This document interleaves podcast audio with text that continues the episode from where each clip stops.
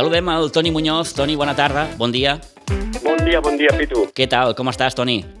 Molt bé, molt bé. Doncs aquí començant a escoltar-te tu i bé, bé, eh, doncs eh, que tens molta raó, que, doncs, que els Sitges eh, de Dani Pujol està fent un campionat eh, bo, almenys en aquestes tres jornades que portem de la represa del campionat, eh, i, i llàstima perquè doncs, a les cavalles va mereixer guanyar. I no guanyar per un gol, sinó per més d'un. El que passa que el futbol moltes, moltes eh, vegades té coses molt estranyes i doncs ha degut a un penal eh, que el van xular els Sitges molt, mm, jo diria... Rigorós. Eh, molt poc molt, però molt rigorós, eh, doncs per unes mans dintre de l'àrea dels Sitges, doncs s'adelantava les cabanyes. Després va costar molt d'acabar empatant, però va acabar empatant i els Sitges doncs, va sumar perdó, un punt eh, doncs, eh, que va mereixer molt més, no? però en fi, el futbol és el futbol i doncs és un punt bo. Mm -hmm. Un punt bo que manté el Sitges, Toni, en aquesta part noble de la classificació. Ara mateix recordem que el grup 12 de la tercera catalana l'encapçala el Montserrat Igualada, que és líder amb 13 punts, seguit del Ribes amb 12 i tenim el Sitges B eh, tercer amb 11 punts. Sí, sí, sí, exactament, no? Eh, a veure, un Ribas que, que ja ha descansat el partit que tenia que jugar amb el Carme eh, i els demés tenen que fer-lo, no? Tenen que descansar. Eh, però un Ribas que està en un gran moment, però tenen en compte una cosa, que sí que el Montserrat Igualada és el líder, un Montserrat Igualada doncs, que, que ja, mm, ja sap el que és empatar, perquè ha empatat un partit, precisament, si no recordo, recordo malament, va ser amb els Sitges, eh? eh i doncs un Montserrat Igualada que el dissabte que ve tindrà que jugar al camp del Ribas.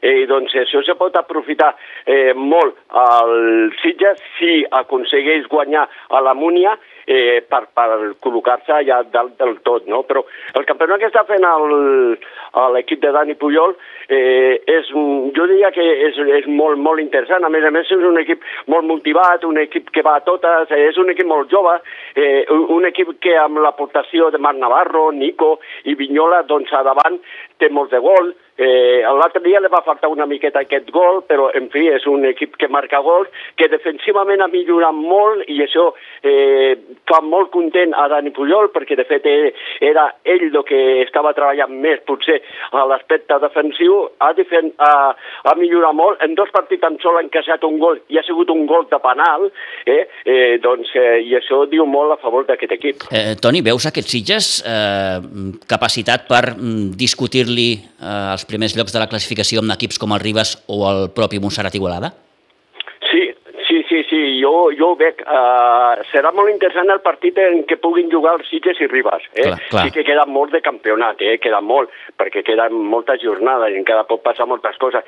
Però per els rivals que jo he vist, eh, el Torrent també me va semblar un molt bon equip, un equip molt difícil de, de perforar la, la seva porteria, un equip molt defensiu, però per els equips que jo he vist, el, el Sitges té opcions. I a mi el que me fa una miqueta doncs, pensar és encara que el Sitges eh, pugui guanyar el campionat, perquè pot, és, és, és possible, sí, per què no? Sí, sí. Eh? Eh?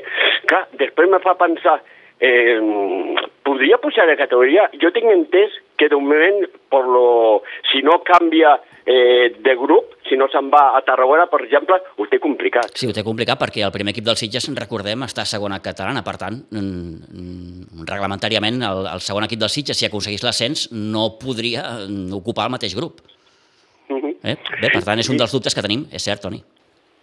Sí, sí, és la dubte, és aquesta dubte, no?, que jo ja l'he preguntat diverses vegades, fins i tot se lo vaig preguntar a Ángel Calvo, ell va dir que de moment no, no podia pujar, el que passa que aquest equip vol pujar, perquè aquest equip, doncs, eh, el jugador té molta il·lusió i, i va per totes, no?, i jo penso que aquest equip, si continua en aquesta línia i amb Dani Pujol tot és possible, doncs eh, aquest equip pot estar a dalt del tot. Ara ja veurem si primer o segon, però pot estar a dalt del tot, eh? Per què no? Perquè és un equip que a mi me genera molt bones sensacions, perquè los Beck que van a totes, l'altre dia fins i tot en els últims minuts, quan el Sitges sabia que podia guanyar aquest partit, va apretar moltíssim, el que passa és que, clar, l'Escabanyà ja se va dedicar més a, a, a aturar el joc que no pas de jugar perquè li interessava aquest empat, no? perquè mm -hmm. ell era conscient que per ell aquest empat era molt bo davant d'un equip que havia estat molt superior, perquè l'Escabanyà tan sol va arribar una vegada en perill a la porteria dels Sitges i va ser el penal, el penal aquest tan rigorós, no les mans aquestes, no?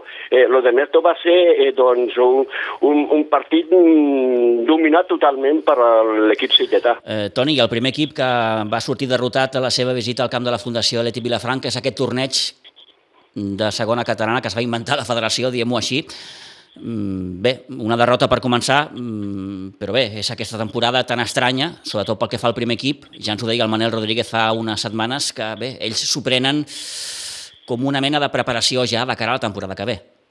Sí, sí, exactament. Eh, és, de fet, les sensacions que va tenir Manel Rodríguez en aquest eh, partit, tot i la derrota, va ser bona, no? perquè de fet feia molt de temps que no competia els Sitges, no? I, i competir doncs, davant d'un equip que ja havia, ja s'havia estrenat, que ja havia perdut davant del Moja una setmana abans, i que és un bon equip la Fundació Atlètic Vilafranca, doncs eh, les sensacions que va treure al final, tot i la derrota, eren bastant bones, perquè l'important era doncs, uh, començar la competició, competir, no? començar a, a tocar pilota ja en forma, tot i que sigui un trofeig uh, que no serveix per res, però almenys poder doncs, tocar-la, no? jugar.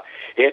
I doncs el uh, que passa que si tu t'ho mires fredament, eh, mira, el, el Moja ja sap el que és perdre, la Fundació Atlètic Vilafranca també sap el que és perdre, el Covella també sap el que és perdre. L'únic que no ha perdut ha sigut el Sant Mauro, però que, que aquesta setmana descansava, no? Sí. I el Sitges ja sap el que és perdre. Jo penso que aquest torneig eh, serà molt igualat, eh? Depèn del Sant Mauro, eh, el Sant Mauro va guanyar tranquil·lament al Covella, però també a la segona part, no, no pas en tot el partit va ser eh, molt superior al Covelles, i, i si mira els resultats de tots els partits, serà un trofet també bastant, bastant, bastant eh, equilibrat. Eh? I jo crec que aquesta setmana, aquest partit que jugarà el diumenge al Sitges contra el Covelles, eh, doncs serà un partit que no es podrà eh, decidir veure coses, no? perquè tampoc ha canviat tant el Sitges, eh? perquè el Sitges, eh, tot i que han marxat jugadors, també té més o menys jugadors interessants que ja tenia l'any passat i, i la formació que va, l'11 que va treure a Vilafranca va ser un, un 11 bastant, bastant acceptable de manera. Bé, veurem aquest diumenge a partir d'un quart d'una del migdia a Iguadols, aquest Sitges Covelles, aquest eh, torneig de segona catalana i veurem també dissabte el partit que jugarà amb el segon equip davant la Munia a partir de dos quarts de sis. Un quart i un minut eh, de deu del matí ens ha ajudat, eh, com no podia ser d'una altra manera, a fer aquesta minicrònica futbolística d'aquesta última jornada. Antoni Muñoz, Toni, moltíssimes gràcies, que vagi molt bé. Molt bé, Pitu. Fins la propera, bon adeu-siau, bon dia.